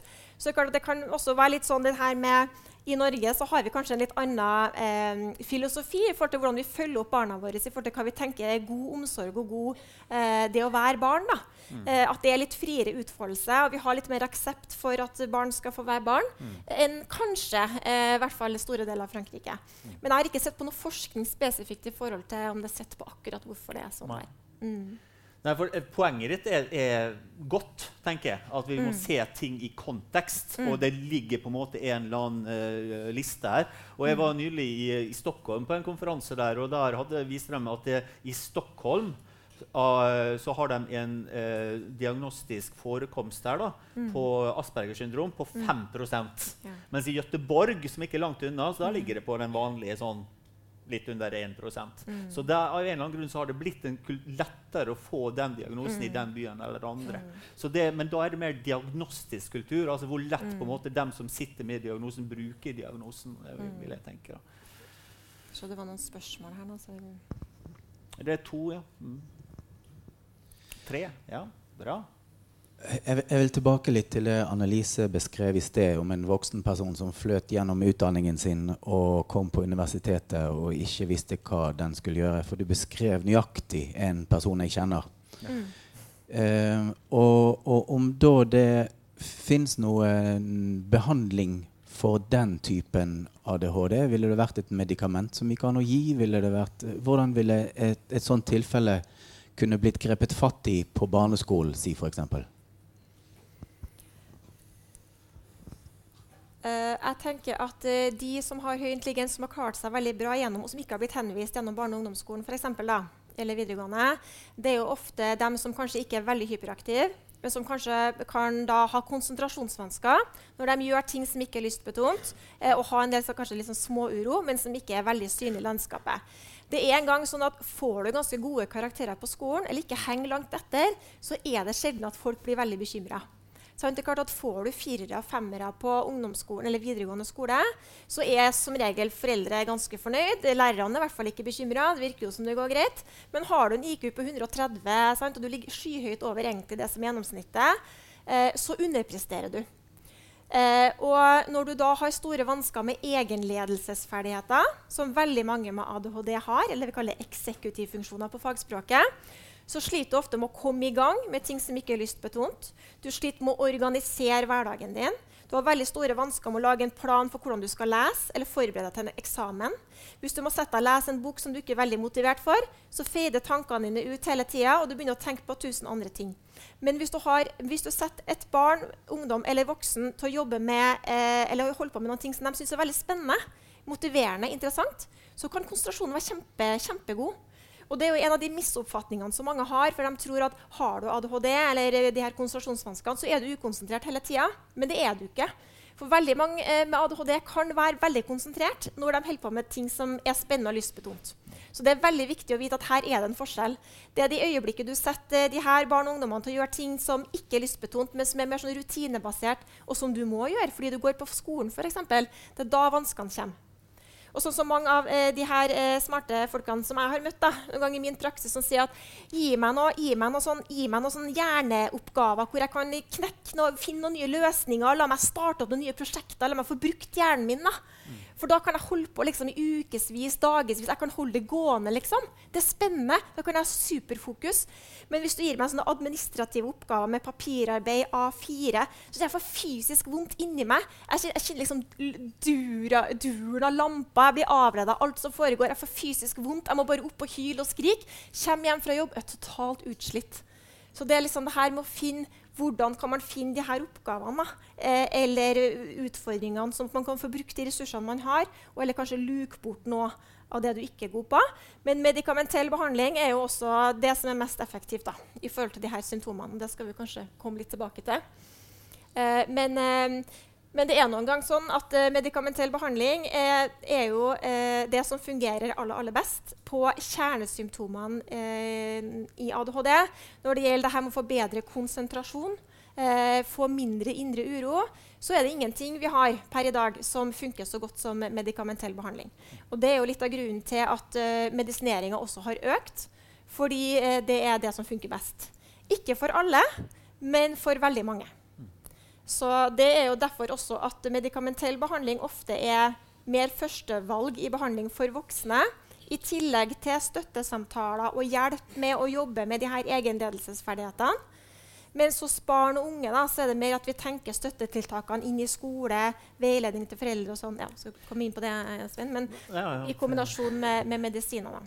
Men, men, bare for å følge opp dere, altså det, eh, For meg så høres ut, ut eller to ting. da. Uh, det med selvledelsesferdigheter. For når du sier det på den måten der, så er jo mm. ferdigheter så er det noe man kan lære. Mm. Så kanskje de vil profitere bedre på å få lært det, da, enten av en lærer eller foreldre som også får opplæring i det. Eller er, mm. går da, det ene, og den andre på en måte, var med å, på en måte, å mm, finne to-tre av disse smartingene og på en måte la dem lære av hverandre. Er, er det, mm. vil det være et poeng, eller vil det bare være å det til. Ja. Jeg tenker at Det er jo de her egenledelsesferdighetene som er litt vanskelig da, mm. å jobbe med. Mm. Det er blant annet det vi prøver å jobbe med i denne behandlingsgruppa som vi har utvikla for ungdommer nå. Du prøver ja. å hjelpe dem med det. Ja. Lære dem egenledelsesferdigheter. Mm. Men det er det her med å komme i gang med ting hvis det ikke er lystbetont. Det er det som er veldig vanskelig. Mm. Å nå kjerneproblematikken hos veldig mange. da med ADHD. Så med mindre du skal sette deg ned på skolebenken og lese bøker som du vet er kjedelige, og som du ikke engasjerer deg for, så er den dørstokkmila så himla høy. Ja. Eh, mens hvis man da eventuelt får medikamentell behandling som gjør at du klarer å konsentrere deg bedre, eh, og ikke blir så sliten og klarer å holde fokus over lengre tid, så kan det også være lettere å komme i gang. Mm. Sånn at det her går litt inn i hverandre da, ja. Ja. i de her prosessene. Ja, jeg hadde en sånn smarting en gang. Og han fortalte det at han kjeda seg så veldig mye at han bestemte seg for å, å lære seg eh, sørkoreansk. Mm. Sånn ved siden av ting. Mm. Så jeg spurte jeg, hvordan skal du lære deg sørkoreansk. Nei, Han bare forandra innstillingene på mobiltelefonen sin til mm. sørkoreansk. Mm. da er du smart. Ja, er smart. Eh, og da, da tror jeg, du, du lærer, lærer vel sikkert veldig mye mm. tekniske begrep, men mm. neppe så mye sånn flørteteknikker på den mm. måten. vil jeg tro da. Men eh, hvis du er veldig nerdete interessert, så er kanskje det en fin, fin, fint råd da, å gi til han kompisen din. da. Ja. Lær deg sørkoreansk på mobiltelefonen din. da, rådet. Vet du hva? Eh, klokka tikker og takker, og de er så flinke å stille spørsmål. Så det er to spørsmål til, men ja. klokka er allerede eh, snart åtte. Oi. Så vi, dem som har de der to spørsmåla, eh, bare holder på dem. Så tar vi et mm. kvarters pause. Okay. Så ser dere på klokka deres nå, og så kommer tilbake om et uh, kvarter. Mm. Uh, og så minne på dem med spørsmåla. Uh, vet ikke om det er kommet inn noen spørsmål, Johan, men i hvert fall kjør på. Og så da, da, fortsetter vi, og så skal vi snakke mer om behandling mm. etter vi har svart på de to spørsmålene. Da er det pause. En, to. Ja, hører ja. dere meg? Hører dere meg? Mm. Ja. meg òg, ja. Bra. Jeg syns det fungerer bra her nå at nå er liksom hun seriøs, og så er det han der som prøver å være så morsom og vittig. Det er en ny rolle for meg. Jeg vet ikke om det er ny rolle for deg. Syns det fungerer bra, Sven. Ja. Ja. Bruker du til vanlig å være den morsomme, hippe, eller er du den Prøver å være litt morsom innimellom. Ja. det er bra. Uh, vi skal snakke om uh, behandling. og så fikk Vi har fått uh, flere spørsmål, men vi må jo prioritere dem som gutsa med å rekke opp hånda. Så jeg husker at det var du, men så var det også noen bakere her. Jeg tror han bakere var først. Eller husker jeg feil? Nei, hva? Ser du Du løper Mot hun med, med brillene, tror jeg hadde spørsmål. Ja. Mm. Supert. Uh, jeg hadde bare en kommentar til dette med diagnoser. For du nevnte at det å sette en diagnose det er noe som man gjør for at personen skal få hjelp. Ja. Men det er jo ikke bare derfor man setter diagnoser. Uh, diagnoser kan jo òg utløse f.eks. at lærerne får assistenter. Mm. Det kan utløse at foreldrene skjønner hvordan de skal behandle ungene sine. Omgivelsene skjønner at det er ikke bare uoppdragne unger. Mm. Så diagnoser Jeg vil jo si at ja, for samfunnet i dag så har diagnoser flere uh, oppnåelsesmål da, enn bare medisinering og hjelp til enkeltpersoner. Mm. Og det tror jeg er viktig å huske på. Ja, ta, takk for den presiseringa. Jeg, jeg, prøvde å si det, men jeg kom mm. kanskje ikke tydelig nok uh, ut. Um, fordi uh, det, det, det, du, det, du, viser til nå, er mer det rettighetsperspektivet og, og portvokterperspektivet. Altså at noen må formidle det fordi vi har begrensede ressurser. Så vi må liksom gi dem til dem som trenger dem ekstra mye. Det er liksom ene biten det du sier, i forhold til det med ekstra ressurser, ekstra tid på eksamen. Eh, hjelpemidler, eh, støtte, eh, trygdeytelser, den type ting. Og så det siste mm. du sier, er mer en sånn forståelse og fjerne skyld fra folk som tenker som så at det er kanskje jeg som er en dårlig mor eller dårlig far. Bare så det er sagt. Men når det er sagt, da, så finnes det en vedvarende kritikk da, mot diagnose både sånn generelt og spesielt mot ADHD. Og det er på en måte det er viktig å ha med seg når du har Jeg ser hånda di der borte. Uh, det er viktig å ha med seg nå når man, man, når man snakker om disse diagnosene, her, særlig ADHD. For veldig ofte når det er noe i media, så blir det veldig sånn den ene mot den andre. Mens i virkeligheten, så, uh, etter min erfaring, så er ikke nødvendigvis folk så uenige når det kommer til stykket. Bare så det er sagt. Men uh, i hvert fall ut fra det perspektivet som, som, som fra psykologsida, så er det der at det skal være til nytte. Da. En diagnose skal være til nytte for et eller annet. Ellers er ikke det vitser med en diagnose. Nå, nå, er ikke dette her en debatt, så derfor så blir ikke det replikk her. for den som, hvis det var det du rekte opp hånda på. Så Derfor så tar vi uh, Herman her først, og så har vi ei hånd lenger bak der. Og så en der. Uh, jeg lurer litt på ja, Ikke for å gå, gå, for dypt i det. Um, nå er jo samfunnet som, som er i dag, veldig kan jeg si, pressa eh, med tanke på hva alle sammen hva er forventa av alle sammen. Mm. Eh, det er også veldig ungt med tanke på menneskelig utvikling eh, opp gjennom alle de tusen år. Mm. Eh, nå er jeg sjøl vært utreda som barn med MBD. Eh, også i voksen alder utvikla ut, ut, utreda som ADHD. Mm. Og gjerne vi prøver ofte å få det unna oss, da, så sier vi gjerne sånn Ja, hvem tror du var den første som sprang fram til den, til den um, mammuten, da, ja. for å ta livet av den? Ja, ja, uh, så jeg lurer litt på genetisk forskning og i hele tatt faktorer rundt menneskelig utvikling. Mm. Hvordan er det satt i da med dagens forskning på ADHD og rundt det som er normalt i dagens mm. uh, syn. Ja. Mm.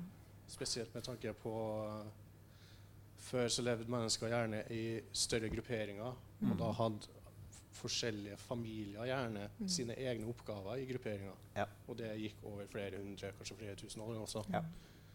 Så det er litt sånn mm. Det var et veldig godt formulert mm. spørsmål på et ganske komplisert tema. Takk skal du ha. Skal jeg si litt om kort om det? eller? Ja, hvis du klarer å si noe kort om det, blir jeg imponert.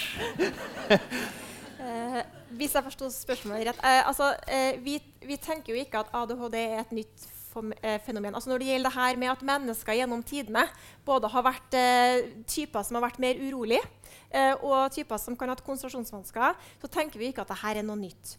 vi tenker jo at dette har vært sånn gjennom mange århundrer.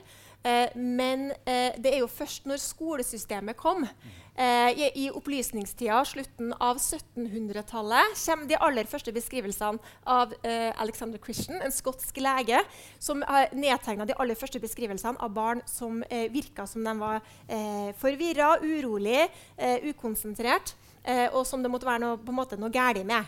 Så allerede fra slutten av 1700-tallet har vi beskrivelser av barn som, som, som kan ha de her karakteristikkene. Eh, og så er det da opp igjennom, eh, Ettersom skolen ble obligatorisk på slutten av 1800-tallet i Norge, men generelt eh, rundt omkring, så er det klart at i det øyeblikket du begynner å sette barn og unge som da er litt mer urolig av natur, som må sitte på skolebenken gjennom en hel dag, og du skal følge med på læreren, og du skal ha masse fag som du overhodet ikke er interessert i, men det må du bare gjøre, for du går på skolen, ikke sant? så er det et dårlig utgangspunkt for kall det den mennesketypen. da. Eh, og jo mer vi krever av at barn og unge må sitte i den strukturerte settinga Ikke så veldig mye gym har de nødvendigvis heller. Dobbelttimer har de òg. To timer skal du sitte og konsentrere deg om fag som du syns er dritkjedelig. Så det er, jo, det er jo døden for de her barna som egentlig har et behov for å være veldig aktivitet og, ha, øh, og har dårlig oppmerksomhetsspenn. Så det er klart at det er ikke ideelt eh, i det hele tatt. Og jeg tenker nok at øh, denne diagnosen har nok tvunget seg litt frem pga. den samfunnsutviklinga vi har. Hvor det blir mer og mer krav til skole, utdanning, at du må ha mye kunnskap. Og det gjelder, det, det liksom ikke at du er ute på jordet eller jobber på gården eller jakt- og fiskesamfunnet. Da var det kanskje ikke så stort problem, men det blir et større problem i dag med det samfunnet som vi har. Og det tenker jeg tvinger frem mye av de tiltakene og diagnosene som vi må ha. Det var et uh, veldig godt svar. Jeg husker jo bare da jeg var i militæret. For, altså, første gang jeg var i militæret, så var jo på, da var jo det den tida da de aller fleste ungdom gikk i militæret. Og du, vi var på åtte, åtte mannsrom. Og da var jo det folk som på en måte fungerte veldig bra på bygdene rundt omkring Brumunddalen. Men når du plasserer dem i en i militær situasjon med eksersis og de må forholde seg tett til andre folk, så var det veldig mange som ikke klarte det. Mens den åtte gjengen hadde vært perfekt på en måte i en annen situasjon ute på steppen med mammutjakten. Da vil du gjerne ha forskjellige. Så det, det, var jo Før som du helt riktig, så hadde du familiegrupper og grupper av familiegrupper. Og det er en helt annen situasjon enn vi har i dag, som er individuelt, der du må forholde deg til firkantene. Hva vi skal gjøre med det, det, det, må andre som er mer samfunnsfokusert på. Men det er jo som du sier, å prøve å finne ut hva er fordelen med å ha det og det. For det er noen fordeler med alt her i verden. Og du må ikke bare lete etter ulempene. Og det er også en kritikk som jeg også deler imot uh, diagnose. Mm. At den er veldig sånn, problemfokusert. og ikke mm. nødvendigvis at det, Men kan ikke det være en fordel da, av og til mm. å på en måte uh, å ikke tenke for mye gjennom det du skal gjøre, uh, f.eks.? Uh, vi får en replikk på det, og så skal vi ta den personen bak der. Men da var det der med mikrofonen. Klarer du å hold your horses eh, til det? Stakkars dame, hun må løpe. Kommer hoppende bak her. Der. Det er helt her frem, han med grå. Der, ja. Ja, det var altså det med det genetiske jeg lurte på. Fordi at gjerne evolusjonsmessig så, så utvikler alle raser seg forskjellig. Mm. Samme gjelder jo hjernen. Hjernen utvikler seg også forskjellig. Og det er, det er gjerne på påvirkning av alt som er rundt. Mm. Gjerne da spesifikt. Det var, det var litt det også jeg hentyda til da, mot ja. Er det noe genetisk forskning rundt det i tillegg til Nei, altså, det psykologiske? Altså, genuttrykket til mennesket har jo vært det samme nå nesten 1,5 millioner år. Det som har skjedd nytt, er at vi har fått språk og verktøy og alt mulig sånn. Og uh, som man sier, 99 komma, uh, er, er, jo lik sjimpansen, og så man sier 99,9 er hos menn. da, i lik sjimpansen. Forskjellen på det.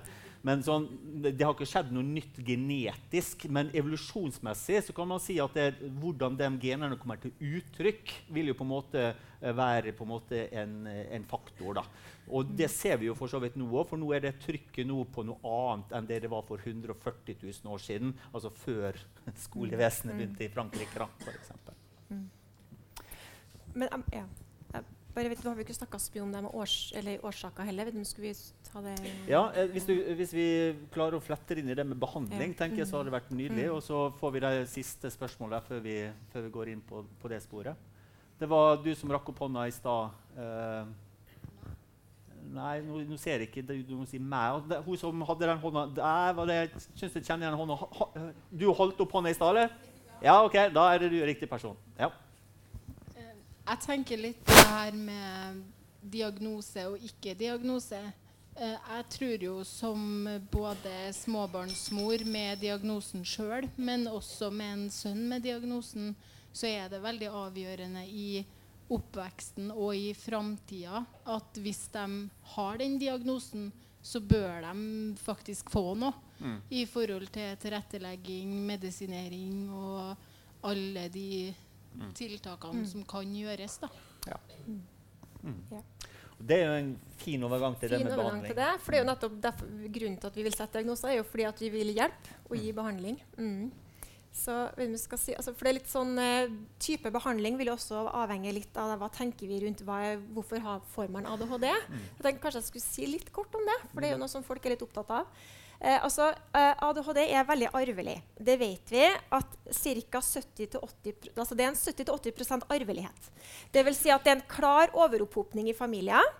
så hvis du har en mor eller far, tante, onkel eller besteforeldre som har enten en diagnose eller de har veldig mye symptomer fall, som ligner, så er det en st langt større sårbarhet for at ett eller flere av barna i familien også vil få det. Så vi vet at det er veldig arvelig. Og det vet vi også gjennom tvillingstudier, hvor man har sett på tvillinger hvor man skiller dem når de er små. Lar dem vokse opp i to forskjellige hjem. Og så ser de hvordan er det med de her ADHD-symptomene. For da har vi på en måte luka bort de her miljøfaktorene. At det er det som påvirker, og det som gjør at de får ADHD-symptomer. Det er miljøet rundt dem. Men nei, vi tar dem fra fødselen av, vi setter dem i to forskjellige hjem, og så måler vi.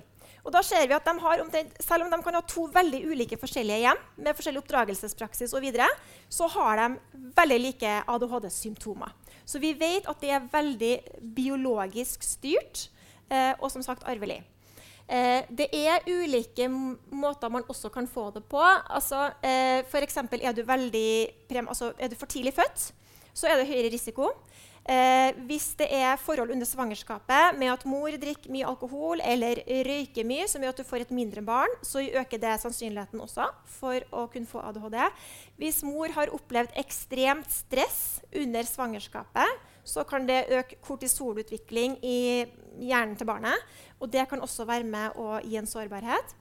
Um, og eh, hvis du har eh, veldig dårlige omsorgsforhold eh, i starten av livet ditt med veldig lite stimulering, eh, eller høyt stressnivå, så kan det også påvirke hjernen. Eh, sånn at eh, vi ser at på gruppenivå så Når man ser på hjernen, så ser man at de med, som utvikler ADHD, kan være litt senere moden. Altså Hjernestrukturene er litt senere moden. Men så er det sånn at litt avhengig av hva som er årsaken til at du har ADHD. Det kan jo da være en kombinasjon av arv og miljø, som regel. Som regel er det sånn. Eh, så vil det kan gjøre at hjernen din er organisert eh, annerledes. Sånn at ulike personer med ADHD kan ha litt uh, ulikt organiserte hjerner og ulike hjernenettverk som er litt det vi kaller litt sånn dysfunksjonelle. Og det vil da si at uh, Når hjernen, de forskjellige hjernedelene skal kommunisere med hverandre, og snakke med hverandre, så er det sånn at denne pannelappen som regulerer veldig mye av oppmerksomheten din, regulering av atferden din, den kommuniserer ikke så godt med det motoriske senteret som styrer handlingene dine, og følelsessenteret. Som gjør at uh, de her signalstoffene, eller nevrotransmitterne som, at, du, som styrer tankene og handlingene dine, de er ikke så effektive. Du er litt sånn understimulert. Det funker ikke så bra som det ideelt skulle gjøre. Og det er jo det man behandler med medisin. da. Mm. Så man tenker gjerne at denne eh, pannelappen eh, er litt sånn understimulert.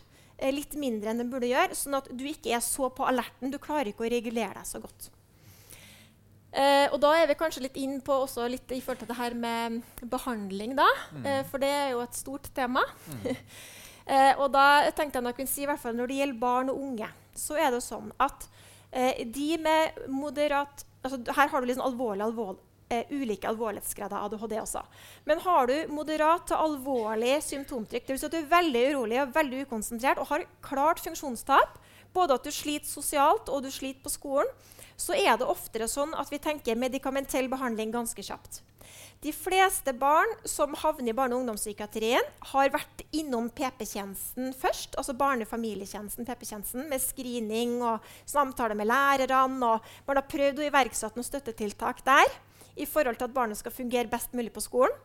Eh, og så eh, kommer du kanskje til BUP da, og får en diagnose, og da kan det være eh, at man tenker at her bør vi kanskje prøve medikamentell behandling i tillegg til støttetiltak inn i skolen og veiledning til foreldre i forhold til hvor skal vi legge lista hen i forhold til krav til barnet. Hvordan er det lurt å strukturere ting med rutiner, med lekser, krav, hva er realistisk osv. Eh, så vil det være de viktigste tiltakene.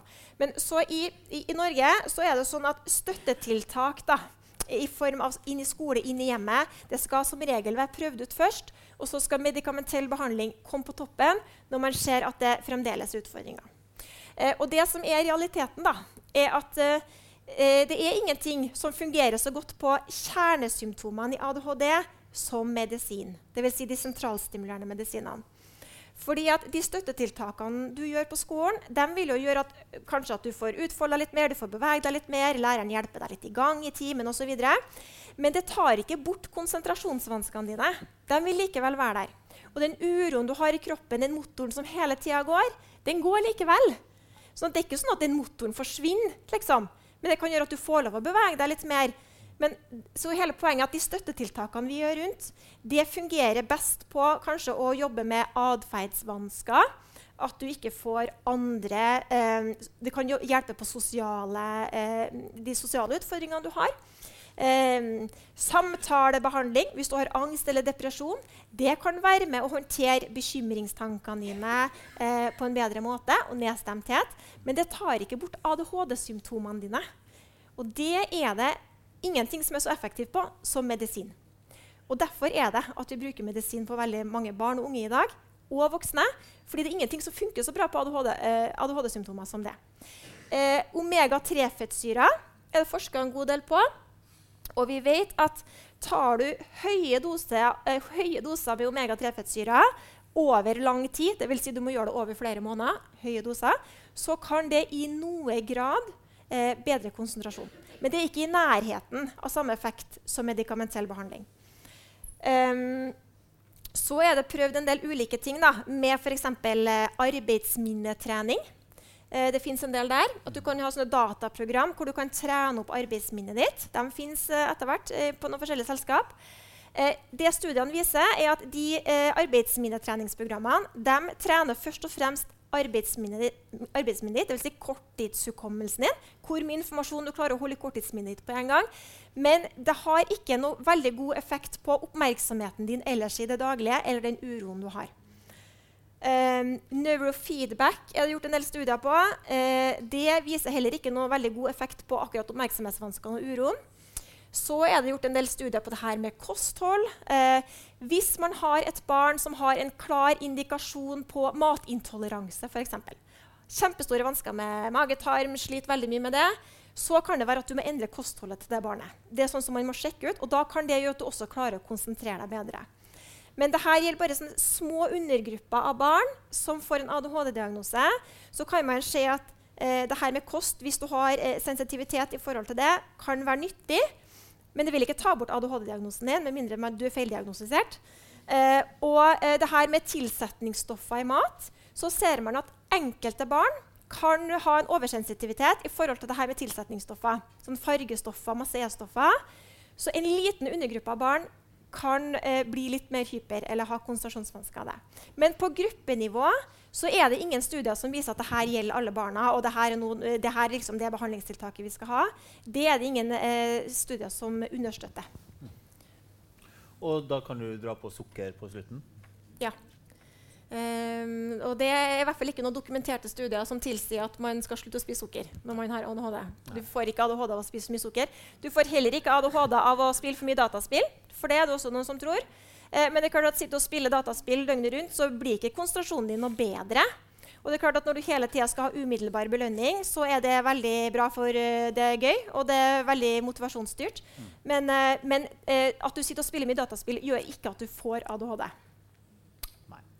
Og, men den gangen da jeg jobba i PPT og BUP for å bli spesialist, jeg er barnepsykolog i bånn, mm. bare så det er mm. sagt. Så, eh, så før Italien kom, mm. da var det det vi gjorde. Da laga vi atferds- og belønningsskjemaet. Mm. Vi brukte det som heter for fine gold diatten, der du ikke mm. skulle bruke E-stoffer, mm. noe som er nærmest umulig, spør du meg. Eh, unngå sukker etc. etc. Det var det man gjorde på den tida der. Riktig. Uh, og dessverre så, så ikke vi så mye effekt av det. da, det er sagt da. Men uh, um, for, for, å være litt kritisk, da, uh, så er jo det slik at um, For det første så fikk jeg et spørsmål fra salen i pausen. Mm. som sa at ok, da, men hvis du er nå forelder og du har et barn med ADHD, mm. og man på en måte vil ha noe i tillegg til medisin, mm. eller kanskje til kanskje prøve uten medisin i det hele tatt før man prøver medisin. Mm. Så sa han det er nesten umulig å få noe tilbud i BUP på det så lenge man ikke finner et forskningsprosjekt. hvis han ja. mm. Og Nå behøver ikke du svare på det, for du har vel en bistilling i BUP? Nei, nå, nå er jeg, jeg ikke i BUP, da. Men jeg, okay. men, men jeg, er jo i et forskningsprosjekt i BUP. Ja. Så det kan jeg si, for det, det, bygger jo litt på nettopp det her. Men hva kan vi gi mer enn medisiner ja. og støttetiltak inn i skolen? Mm. For det er noen gang sånn at medisiner funker ikke på alle barn eh, eller ungdom eller voksne. Eh, det er eh, noen som tåler de her medisinene dårligere enn andre. Det er ikke alle som tåler dem så veldig godt. Vi har forskjellige typer medisin som kan prøves, men det er ikke for alle. Um, det er sånn at Av dem som bruker medisin, så er det sånn at det er de aller færreste som står på ADHD-medisin over veldig lang tid. De fleste som bruker medisin, de står kanskje på det i noen år, og så slutter de. Og det er det veldig mange ulike årsaker til. Noen syns at de mister litt av spruten og personligheten sin. Fra å være en sånn veldig livlig person og mye energi og veldig på, til at man kanskje liksom blir litt dempa. da. For når du får litt mindre energi og du får bedre konsentrasjon, men sånn så føler jeg at de mister liksom litt av eh, personligheten sin. Mm. Eh, så det er fordeler og ulemper. Og så kan det være bivirkninger med at du får litt mindre matlyst, og du får litt vondt i hodet og litt vondt i magen. Og det er noen, ytterst få, som kan oppleve at de blir litt engstelige eller nedstemt. Mm. Og da skal de selvfølgelig ikke stå på den medisinen. Eh, sånn at eh, medisin, eh, Når man tenker at det er indikasjon på å prøve det, så gjøres det veldig systematisk i kontrollerte former med en barnepsykiater eller voksenpsykiater for voksne eller barn. Og man prøver det ut i fire uker eh, med observasjoner hjemme på skolen. Og så følger man ekstra godt med på det med oppmerksomhet og aktivitet. Og så ser man etter en sånn utprøvingsperiode har det her effekt, eller har det ikke. Er det mye bivirkninger eller ikke? Hva tenker vi rundt det her? Og så gjør man en evaluering. Og så Hvis man ø, prøver det, eller finner ut at det her kan være nyttig, så kan man da stå på det her over tid. Men det vanligste er jo at de som først prøver medisin, bruker det kanskje først og fremst gjennom noen av de her skoleårene når du da må sette deg på skolebenken og må gjennom de her leksene og du må sitte og følge med over lang tid, så er det veldig mange som har god effekt av medisin. Så 70-80% av barn og unge som har ADHD, har en god effekt. Men så har du da dem som ikke har det. Og så er det også sånn at medisin gir deg jo ikke ferdigheter.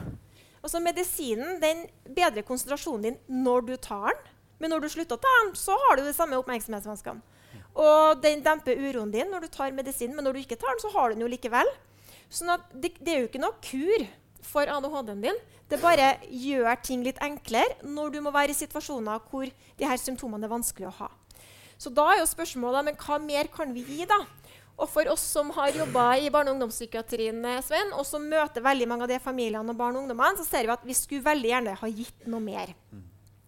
Fordi vi også ser at eh, Veldig mange av dem som står på medisin i barne- og ungdomsårene, slutter f.eks. når de kommer over i ung voksen alder og voksen, voksentida. Så slutter de. Og så får de vansker, og så har ikke de lært seg noen av de ferdighetene som de egentlig trenger da, for å fungere godt med de her vanskene over i voksenlivet. Og Det er jo litt av grunnen til at vi starta dette forskningsprosjektet ja. da, i BUP. Så må jeg bare gi honnør til prosjektleder eh, Torunn Nøvik eh, ved St. Olavs hospital, som er liksom sånn ildsjel for de her eh, ungdommene, barn og ungdommene med ADHD, som har starta det her. Eh, her ser vi jo da at de her ungdommene trenger å eh, lære noen ferdigheter. Så det her med å lære ungdommene det her med hvordan kan jeg bedre konsentrasjonen min på skolen? Altså sånn, hvor kan jeg sitte? Hva kan jeg gjøre? Eh, hva kan læreren gjøre? Hvordan kan jeg huske på ting bedre? Hvordan kan jeg legge en plan for når jeg skal lese hvis jeg har en prøve? Hvordan skal jeg klare å regulere meg bedre når jeg er sammen med vennene mine og ikke bli så fort sint og regulere temperamentet mitt? Eh, hva skal jeg gjøre for å få bedre søvn?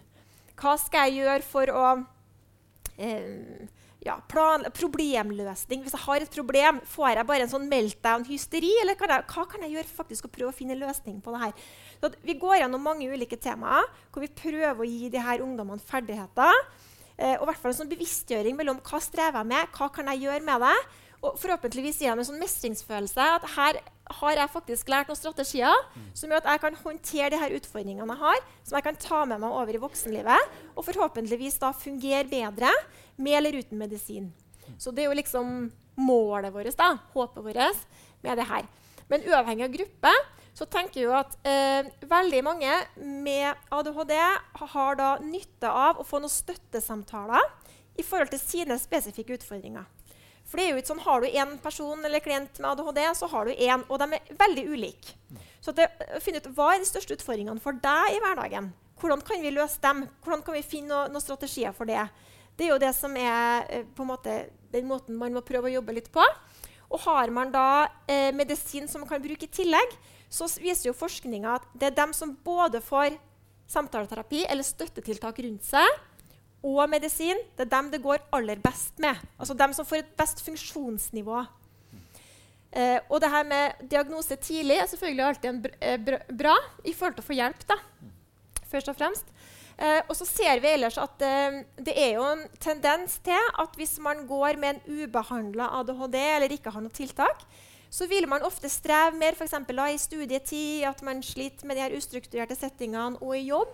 Så ser vi at voksne som, som er i jobb, oftere eh, har en jobb eh, under evne. Altså at de har lavere utdanning. De bytter jobb oftere. De blir oftere ufør pga. tilleggsvansker. Oftere utsatt for rus eh, oftere personlighetsforstyrrelser, sliter mer i familieforhold. Så det er veldig mye sånn følge med det. da. Det er mye sånn følge med det å ha de her vanskene, hvis ikke du får litt hjelp. Eh, og nå snakker jeg selvfølgelig på gruppenivå. Her vil det være individuelle forskjeller. Men vi ser at det å komme inn tidlig med forståelse og behandling har ganske mye å si for at det skal gå bra. Hvis vi bare snur, snurrer på, på, på, det, for nå er jeg helt overvelda av kunnskapen som bare renner ut av det som er bare Pust, Annelise. Ta ditt vann. um, for, um, for, det du også sier, er jo Du drar jo i det med foreldreperspektivet. tenker jeg. Mm. Og foreldre er jo man Jeg har forstått slik at det er foreldre sjøl. Mm. Så foreldre er man inntil man har betalt eh, barnedåpen til barnebarna, mm. har jeg forstått. da. Eh. så selv, selv, om man er over 50 år, da, så, sånn som meg, så, mm. eller selv om du er 80 år, så kan mm. jo du ha et barn med ADHD som da per definisjon er voksen. da. Mm. Ja. Så det du sier, og, og, det å være partner til en med ADHD mm. Man trenger mm. informasjon. Det er det du sier. ikke sant? Altså Det man kaller for psykoedukasjon på fin, altså opplæring i, i problemer. Det hører du sier. Men så, og det, det er et sånt tema som vi har hatt på Når ulven kommer mange ganger. nesten uansett hva vi snakker om. Fordi noen personer som har et eller annet problem, f.eks. depresjon eller ADHD eller rus, det er en liten balanse det der, mm. mellom hvor mye du skal på en måte forstå Stakkars personen han har jo, Nå er det ADHD, eller nå er det mm. depresjon, eller nå er det mm. rusen som snakker. Det er jo ikke Petter. Mm. Eh, og mens noen ganger så på en måte kan man på en måte sykeliggjøre dem gjennom det her ADHD-en. Man forklarer alt med ADHD. Mm. Finnes det noen sånn eh, løsning på det, eller er det er det på en måte noe som man må ta inn og snakke med hver enkelt familie? Eller har man, når du har disse gruppene dine, er det et mm. tema for, eksempel, at foreldrene møtes og deler erfaring? Eller hva, hva, hva, hva, skulle du gi som råd til dem som har si, barn, da, uansett alder, mm. med å finne ut liksom, hvor mye skal du være ettergivende versus hvor mye skal du være unnskyldende? Jeg tror nok ikke det er ett svar på det. Uh, for der vil også foreldrene være utrolig forskjellige. Mm. Uh, men, men det, det er noe med at Hvis du får kartlagt barnet godt, da, både i forhold til hva er styrkene til dette barnet, og hva er det de strever med, så er det på en måte lettere også å gi litt tilbakemeldinger og tips og råd til foreldre på hvor skal vi legge lista hen i forhold til hva vi skal forvente at de skal få til. Både hjem, i forhold til å sette noen realistiske krav, og også i skolen, kanskje. Hva er realistisk at de skal få til. Uh, men så vet vi jo at det her med struktur, forutsigbarhet, faste rutiner det er veldig bra for alle barn, og veldig bra for dem med ADHD. Eh, så det er jo sånne generelle råd. da. Men ellers er det hvordan vi kommuniserer med ungene sant, for å forebygge atferdsvansker, sinne- og raserianfall og angst og depresjon. da. Ja. Så du bruker på en måte det vi ellers vet om de følgetilstandene, altså mm. i forhold til spillegalskap, i forhold til atferdsvansker, mm. i forhold til alt mulig, og overiveren shopping på nettet. Mm. altså At du mm. bruker kunnskap om det, slik at foreldrene da på en måte kan hjelpe barna sine mm. og mer sette grenser eller strukturere dem. Ja. Det det mm. ja. Og så er det veldig viktig det her med bruk av belønning. Fordi Det som er veldig typisk for barn med ADHD, er at de får utrolig mye kritikk. Og når de ikke får kritikk, så kjenner de på veldig mye nederlagsfølelse.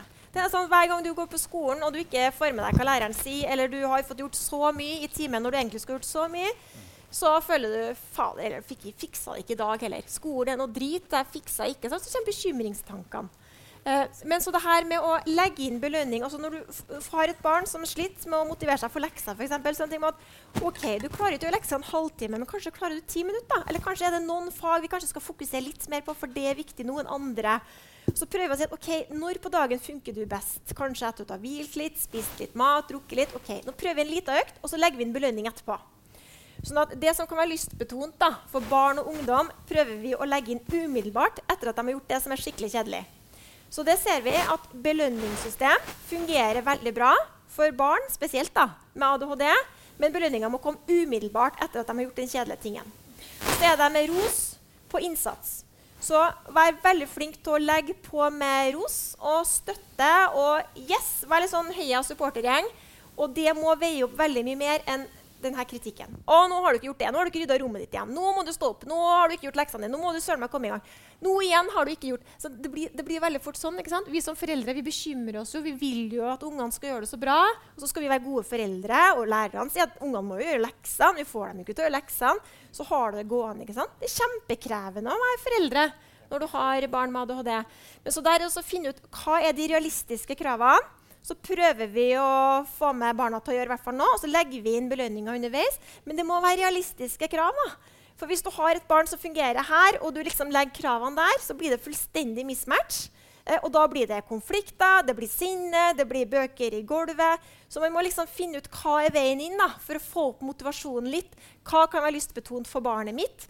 Hva er mitt barn opptatt av? Sant? Og så må man på en måte prøv å være litt kreativ. da. Finne løsninger, gjerne i samråd med skole. Eh, og, og, og, og, bygge opp barnet sitt og prøve å være positiv på, på, på det de faktisk prøver å gjøre. Har, har du ikke hørt om 5-1-regelen, folkens? Ja, det er mange som har. Du hørt om 5-1-regelen? Jeg tror jeg vet hva det er. Ja. Og Det er samme med parforhold. ikke sant? Fordi det å ikke si negative Alle sier jo negative ting til barna sine. Mm. Eller alle Nå ble det veldig taushet. Jeg ser i hvert fall negative ting mm. til barnet. Og det, det, kan ikke man stoppe, men man må være bevisst at du skal i hvert fall ha mange flere mm. positive mm. tilbakemeldinger enn negative tingen. Uh, det er jo det clouet her. Ja. Samt det der med at det, Og det gjelder alle problemer, tenker jeg. Og istedenfor å fokusere på når det ikke går bra, så er det veldig viktig å finne ut når faktisk det fungerer på tross av. Og det er jo ekstra viktig i det samspillet mellom skolen og foreldre med ADHD. tenker jeg. Og så leite aktivt etter når er det gode dager der. Mm. Istedenfor å sende eh, av gårde mm. ungen på skolen og sånn Nå må du ikke gjøre sånn og ikke mm. gjøre sånn og ikke mm. gjøre sånn. Ja. Mm. Og det er jo generelt, og det er jo vanskelig å oppdra si, barn uten ADHD. Mm. Eh, så har vi fått noen spørsmål på, på, på, på slutten. Uh, og det ene er jo Du har faktisk svart på flere av dem nå uten å, å, å, å høre dem. Men det er spørsmålet er sammenhengen mellom ADHD og spiseforstyrrelse. Og da er spørsmålet er det noen sammenheng. Uh, jeg er ikke veldig oppdatert på forskninga på det, men uh, jeg vet jo at det er en del med ADHD uh, eh, som overspiser en del. De har jeg vært borti. Kanskje de som er særlig litt sånn hyperaktive og rastløse. At de går og putter veldig mye mat i munnen hele tida. At de kan spise mye og dermed bli, være risiko for å bli overvektig. Eh, men ellers så kjenner jeg ikke så veldig mye til, i hvert fall ikke inn mot anoreksi. og sånn, tror jeg, vet jeg, tror jeg ikke. Sånn, Nei, Jeg er heller ikke noen spesialist i det, men Nei. jeg hadde akkurat samme svaret på, ja. som, som, du uh, på det. Men altså, vi, vi, kan jo ikke alt her i verden. Mm. Uh, så vi skal komme litt tilbake til ressurser mm. etterpå. Hvor kan man gå og spørre? Men mm. i hvert fall, uh, jeg tenker jo at det som er spesielt, eller det som er typisk med både spiseforstyrrelse og kanskje ADHD, er at du kan ha det ganske lenge før det blir oppdaga. Ja. Uh, og jo lenger man har et problem uten at det blir oppdaga, jo verre vil ofte ting bli.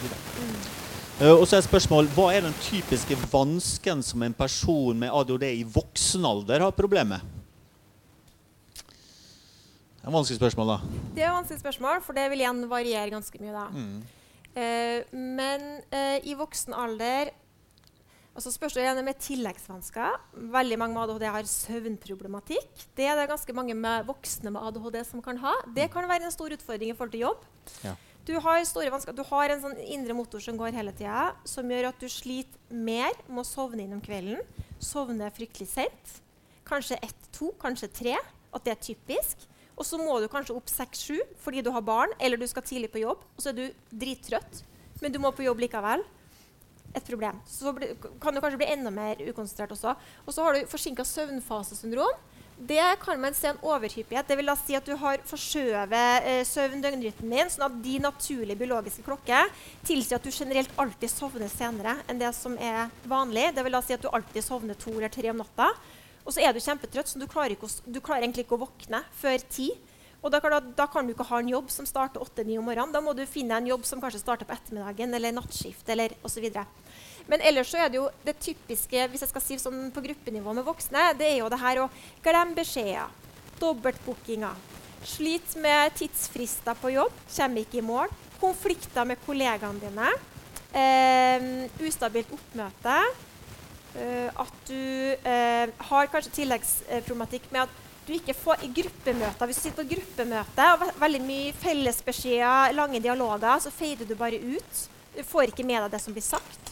Eller du er så rastløs at du må opp og gå hele tida. Klarer ikke å sitte i ro en time. Det er et mareritt at de må sitte her en time og høre på denne kjedelige samtalen. Um, men, men, det her med monotont arbeid, uh, det her uh, A4-livet, da, hvor du gjør det samme, litt sånn papirarbeid, administrativt, rutine, betaler regninga i tidsfrist, sånne ting, det er ofte sånn som vi ofte ser et problem. Uh, ja, og apropos det, så uh, i, um, Vi har ikke fått et spørsmål om det, da. Men, uh, men alltid så får vi nesten spørsmål ja, finnes det en app mot det.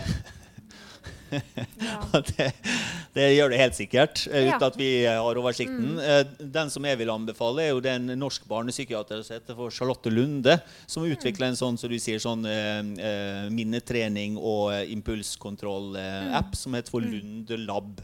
Det skal være et forskningsprosjekt på. Så ja. de som er interessert i det, kan bare gå inn på lundelab.no. Uh, men som du sa i stad, det, det forskninga viser til, at da får du mer sånn begrensa, spesifikke mm. treninger i minneferdighetene. Det er ikke mm. nødvendigvis å overføre det til andre ting. Mm. Ellers bare sånn um, det, det, vet sikkert ikke alle dere, men uh, vi hadde jo en 'Når ulven kommer' om søvn. Mm. Og der hadde vi en spesialist i søvn. Og det er, sånn, mm. det, det er faktisk det showet jeg har lært mest av. For alle tingene som jeg trodde, det viste seg å være helt feil. Og det er helt fantastisk når du faktisk kan få, få, erfaring på at det du tror er faktisk eh, feil. For da kan du gjøre noe annerledes. Så dem av dere som har lyst til å, å, på en måte sjekke litt mer den søvnshowet, bare går inn på Litteraturhuset sine sider, og der har de podkastene. Vi fikk spørsmål om det, for det er hvor er nå denne podkasten når ulven kommer? Uh, og den er på Litteraturhuset sine sider. Og på Litteraturhuset her i byen sikkert alle andre byer, så skjer det veldig mye spesielt. Veldig mye morsomt, veldig mye interessant. Og det er ikke bare det her som blir lagt ut på podkast, det er også generelt. Uh, så bare søk på 'Når ulven kommer' og podkast.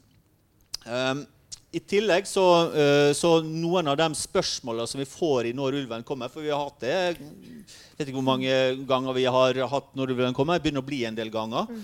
Men noen av dem har vi også lagt ut svar på som vi ikke får spørre. Det heter da 'Når ulven svarer'. Bombe, da. Uh, det er en podkast som er relativt vanskelig å, å, finne, men jeg vil da anbefale å søke på 'Når ulven svarer' pluss podkast dagens tips. Uh, der vil dere finne en del uh, spørsmål på det. Hvis dere har spørsmål også i etterkant, så går det an å stille spørsmål. Vi kan ikke love å svare, men vi har jo da en Facebook-side, og så har vi den, uh, en gmail-konto som heter for når, når ulven kommer gmail-konto. Um, også jeg har en liten spalte i Adresseavisa. og Der også blir jeg ofte inspirert av de timene, eller de showene som vi har her. Så der også er noen av de temaene som vi snakka om tidligere. Ikke om ADHD, men der også finnes det noen ting. Mm. Og Annelise, Har du noen sånne anbefalinger? Hvor, hvor, går man for å, måte, å finne ut mer om ADHD? Ja, Jeg kan i hvert fall anbefale hjemmesida til ADHD-foreninga.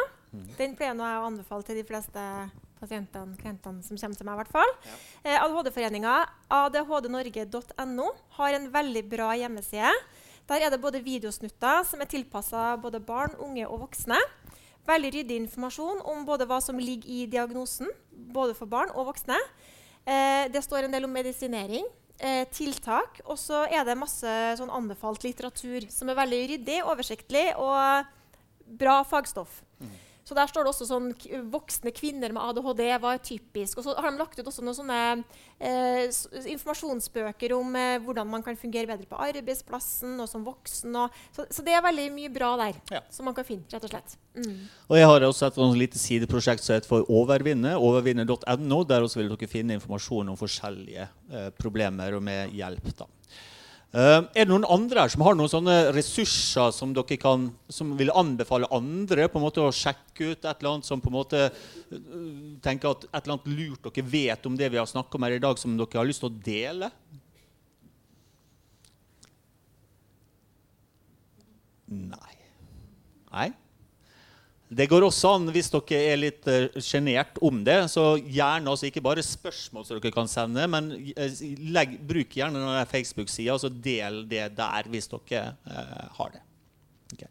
Hva, hva, er det noen som, som, som, uh, som, har lært noe i dag? da? Er det noen som på en måte har mer informasjon i hodet enn når dere kom inn i den døra der? Absolutt, ja.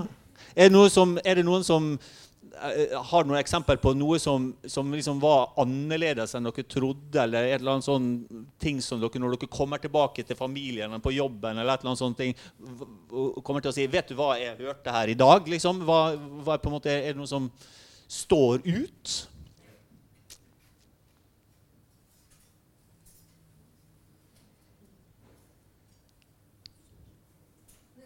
Ja. Bare sånn før du svarer gidder du å Nå har jeg mikrofon, så nå kommer jeg til deg. Nei, det gjør jeg ikke. Dette med kombinasjon eh, medisiner og sånn gruppemestingstiltak, da. Mm. Men som du anbefaler, da, så vil jeg bare si at det var utrolig flott å høre på deg. Altså. Men, eh, men, jeg liksom bare lurer på hvor, hvor, hvor alminnelig er det at, at, man får tilbud om sånne mestringspsykososiale Ja, det var et godt spørsmål.